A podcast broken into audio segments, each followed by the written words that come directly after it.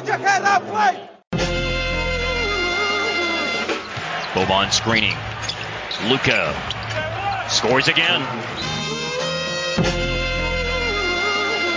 Luca weaving, stepping back. Yes, sir!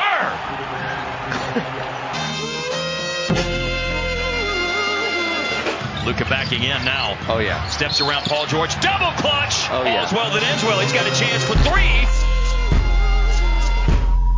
Jojo, Marko, živijo, pozdravljen, lepo zdrav, cele, seveda, kako si, kako gre, pripravljen za delo. Zdravo, Matej, tle v celju je odlično in jaz ne vem točno, kakšen delo govoriš, ker podcast to ni delo za nas, to je užitek, zato ga eh, snemamo. Ne? Debatirati o basketu, o Dončiću, res ni delo.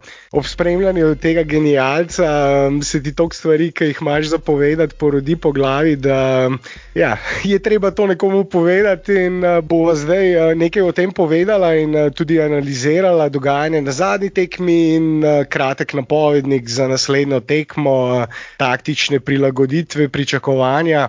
Tokrat bo nekaj krajša, bo res na hitro poskušala tiste glavne stvari povedati. Preden začnejo, Marko, bom samo na hitro spomnil še poslušalce, če se lahko naročite na naš YouTube Sport Info kanal in če zraven kliknete še tisti zvonček, boste obveščeni o vseh novih podcastih. Če tega še niste storili, vas prosimo, da to storite in nam seveda tudi pomagate z všečkom. In pustite tudi kakšen komentar, ki jih z veseljem preberemo in z vami tudi, kot veste, predebatiramo o topikah, ki jih obdelamo. To je to, zdrdral sem tisto, kar je bilo treba zdrdrati. Zdaj pa greva na genijalca po imenu Luka Dončić. Tisto, kar je treba na samem začetku povedati, bom samo ponovil tisto, kar sem v zadnjem napovedniku povedal in tisto, kar je seveda očitno čisto vsem, ki gledajo tekme. Dallas Mavericks v tem trenutku, v tem playoffu, so Luka Dončić.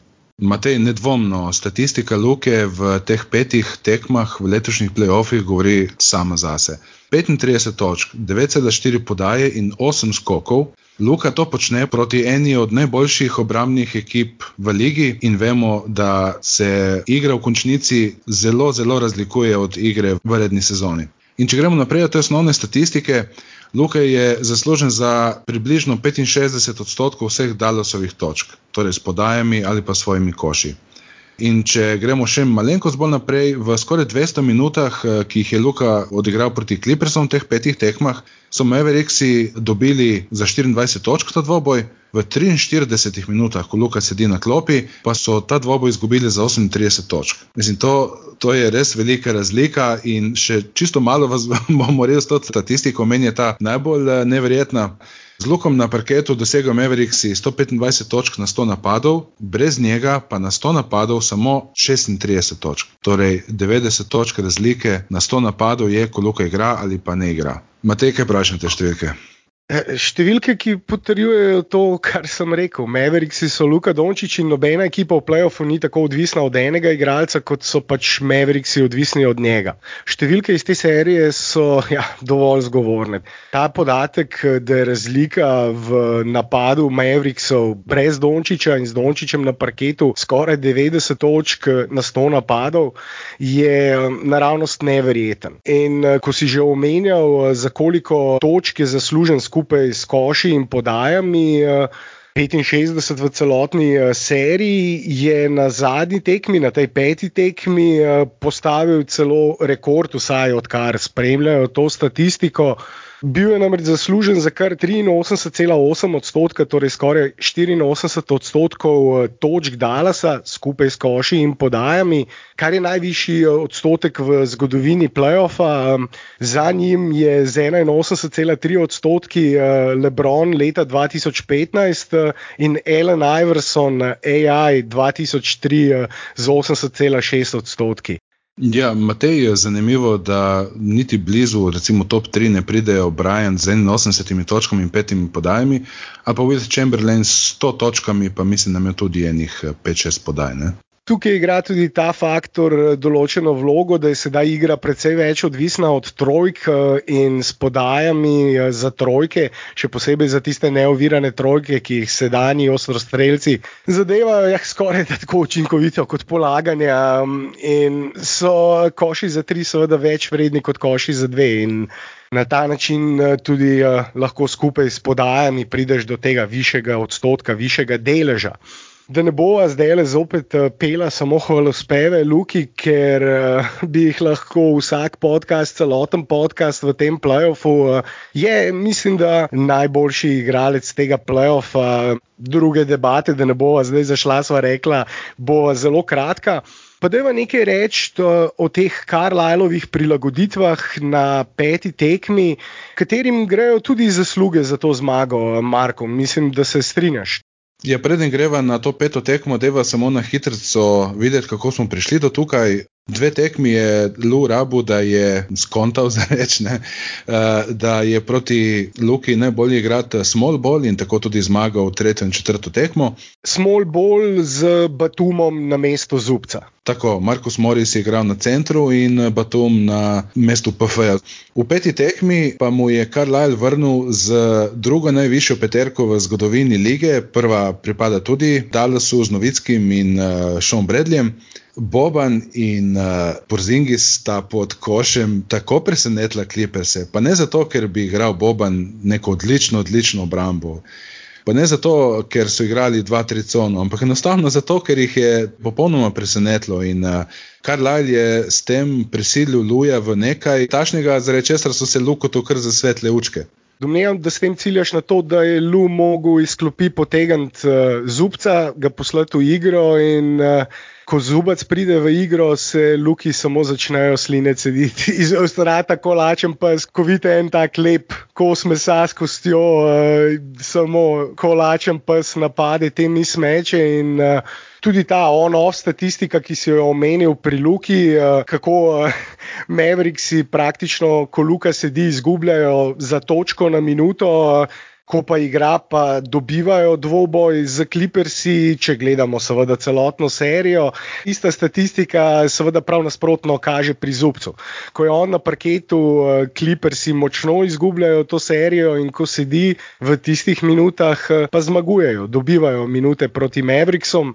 Ko si omenil, eh, kako je Carlisle, stari lisjak, zmedel Lua s tem big ballom proti Clippersovem small ballu.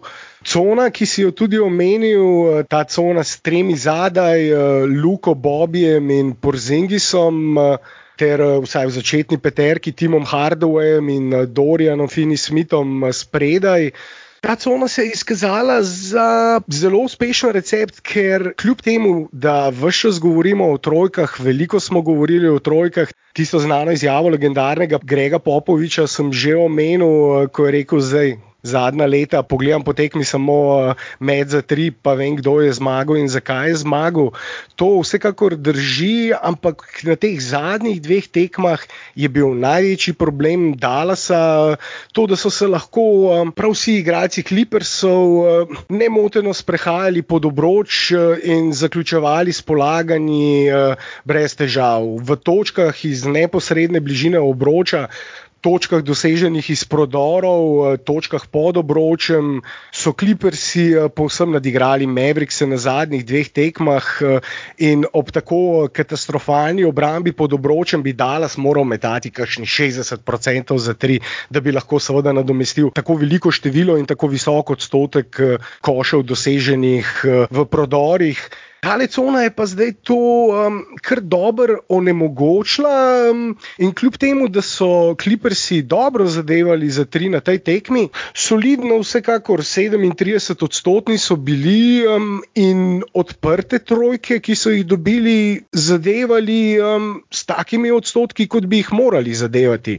Tale cona Mavericksov je seveda pripeljala do večjega števila odprtih uh, trojk za Lakers, vendar so to dobro izkoristili. Eh, zadeli so jih 8 od 17, povsem odprtih troj, govorimo, kjer je bil eh, najbližji obrambni igralec dlje od 1,8 metra. 47,1 odstotek je pri odprtih trojkah odličen odstotek. Dosegli so 24 točk preko teh trojk. Ampak eh, so Mavriksi vendarle uspešno zaprli pot do obroča in z svojim uspešnim eh, metom za tri eh, deloma ali pa povsem neutralizirali te trojke Clippersov, boljša obramba pod obročem in ta cona je pa na koncu tudi verjetno pomenila to razliko, ki ni bila velika pri končni zmagi, seveda, Dalasa. Matej, popolnoma se strinjam, glede na to, kot si rekel, kako so se Kowaj in Paul George v tretji in četrti tekmi sprehajali pod koš, eh, za kar je mogoče najbolj kriv Porzingis, ki ni več takšen rim protektor, kot smo bili od njega navajeni je mogel kar lajl povleči eno takšno potezo in povlekel res zelo nekonvencionalno potezo. In mene najbolj preseneča, kako počasi se trener Clippersov prilagaja na taktične zamisli kar lajla. Kajti, če jaz vidim dva tricono, pa imam ekipo, ki je bila najboljša v procentih po trojkah v rednem delu. Ma vrži 60 trojk, če je treba, ne pa, kako se reče, 24 točk iz odprtih trojk. 24 točk. To enostavno ne nadomesti tistega primankljaja, ki so ga imeli klipersi v točkah iz rakete. V tretji in četrti tekmi so bili odlični v tej uh, statistiki, ampak v peti tekmi so jih pa Mavericksi čisto odrezali. In uh, enostavno niso našli recepta, niti za to, kako so podvajali in eh, celo tri igralce naenkrat poslali na Kawaja. Paul George je imel malo več prostora, ampak spet ne toliko, da bi ogrozil zmago. Videli bomo, kako bo Lu odgovoril v šesti tekmi, ampak jaz sem vesel, da trener Clippers uporabi vsaj eno tekmo, da pogrunta neko protitaktiko, ker eh, če bi jo pogruntal sredi pete tekme, bi Majverik sem trdo predla. Ja, ko omenjaš, da bi morali vršiti več trojk, 38 so jih vrgli. Um, mislim, da je to dovolj, lahko bi morda tudi kakšno več, ampak tukaj je recimo odpovedal Kawhi Leonard, ena sedem za tri, uh, on bi moral bolje metati. Rondo, ki ga puščajo sanga na trojki, um, že več ali manj celotno serijo, mu puščajo malce več prostora na trojki, pa tokrat 0-3. Uh, ampak na koncu med ekipe. Um, Med, kot sem omenil, teh zadetih odprtih trojk, ki so jih dobili uh, za voljo te cone, je bil dober. 17 odprtih trojk, 8 zadetih, to je blizu 50% in uh, več tudi ne moreš pričakovati. Omenil si tudi Porzingisa, Porzingis na koncu um, 8 točk, 6 skokov v 30 minutah. Res je, Marko, on na poziciji centra je bil eden od glavnih razlogov, da so se klipersi tako prosto sprehajali pod obroč in da ni bilo prav nobene protekcije obroča pri Mavericksih. Ampak eh, tudi ta cona, seveda, ne smemo zapostaviti to taktično spremembo v sami postavitvi v obrambi, je eh, pripomogla k temu, da je bil eh, tudi Porzingis bolj koristen in bolje igral obrambo na tej tekmi. Je ta cona tudi nekaj njegovih pomankljivosti oziroma napak zakrila. Zdaj, res je, da Bobby na položaju centra ni neka dolgoročna rešitev. Večina teh neoviranih trojk, ki so jih zadeli, oziroma ne večina, ampak eh, lep delež teh trojk eh, je bil vržen tudi preko Bobija. Recimo v prvi peterki pa ta plus-minus statistika je potrebno vedno omeniti, je precej nezanesljiva statistika za eno samo tekmo. Treba je gledati na 100 napadov ali pa povpreče na več tekem, ki si ga ti že omenil, Marko. Ampak eh, včasih pa vendarle potrdi tisto, kar vidimo tudi na parketu in kontekstu, skupaj z drugimi številkami, lahko tudi nekaj pove. Bob je recimo bil minus 9 na tej tekmi eh, v 20 minutah. Na drugi strani je pa zubac v 20 minutah bil minus 19, ta zubac, pri katerem se luki začnejo sline cediti in to je zdaj tista rošada. Tisti riziko, tisti moment, ki eh, je pri obeh eh, trenerjih ključen, eh, kdaj jih nasprotna ekipa prisili zaradi težav pod obročem v to, da igrajo z centrom, ki seveda pomeni ja, kakšno odprto trojko več za nasprotno ekipo. To je zdaj tista dilema in uh, to bo tudi tisto glavno vprašanje za naprej. Če bo Karlajl začel zopet z isto peterko, uh, bo zanimivo videti, uh, kako bo na to odgovoril Lu. Tukaj pa seveda tudi zelo pomembno vlogo igra dober začetek tekme. Mavericksi si ne smejo kakšnega zaostanka na samem začetku pridelati. To bi uh, lahko pomenilo ravno to, da bo Karlajl tisti, ki se bo moral prvi prilagoditi, in na drugi strani bo Lu lahko zubca pustil na klopi. Zato, uh, ja, bo ta začetek ključen tukaj, Marko. Nedvomno, Matej. Jaz verjamem, da bo zobac igral vse manj in manj tako na sedmi tekmi, kot morebitni sedmi, za katero upamo, sicer, da ne prije do nje, ampak nikoli ne veš. Jaz mislim, da bo Karlaj še vedno začel z Bobijem v šesti tekmi, lahko ga takoj povleče na klop, če vidi, da stvari ne grejo v tisto smer, kot si želi. Ampak Bobi ne samo, da lahko doseže nekaj lahkih točk po podajah Luke, Bobi tudi fajn preprečuje napadalni skok Clippersov, in na drugi strani lahko tudi sam doseže kakšen napadalni skok ali dva, ki jih sicer ne bi bilo, če bi bil na parketu Dwight Powell ali pa Maxi Kleber. Tukaj bi še eno kratko stvar povedal o Zingisu. Torej, Porzingis si je v petih tekmah zaslužil ne malo kritik, eh, ampak moramo povedati, da je to tudi del strategije Karlajla. Namreč eh, Porzingis deluje kot eh, recimo takšen najdražji floor spacer v zgodovini lige. Ne. Vedno se postavi nekje v trojko, v kot ali pa čim bolj daleč od koša, krije ga in zelo dober igralec, na začetku Leonard.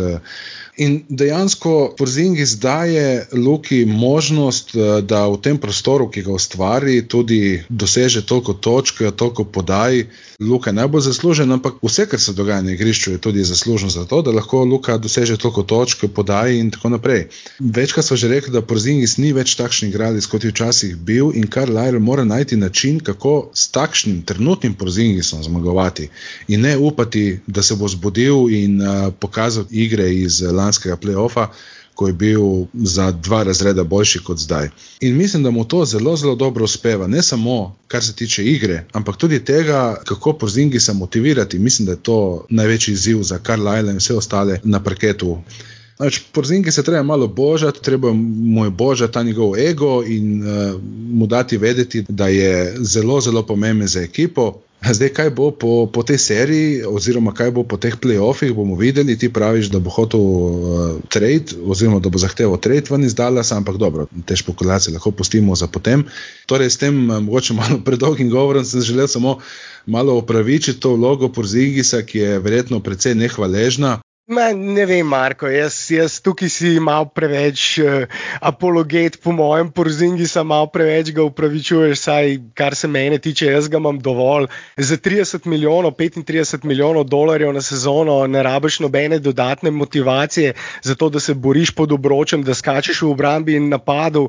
Porzingis, uh, ja, res je, treba ga je božati, Karlajl njegov ego konstantno boža, uh, ga konstantno z različnimi komplimenti komplimenti obklada, ampak eh, preprosto premalo daje za igralca, ki je toliko plačen in od katerega so pričakovali, da bo resna druga opcija. On je 30-milijonski floor spacer tudi zato, ker je nekoristen pri drugih stvareh.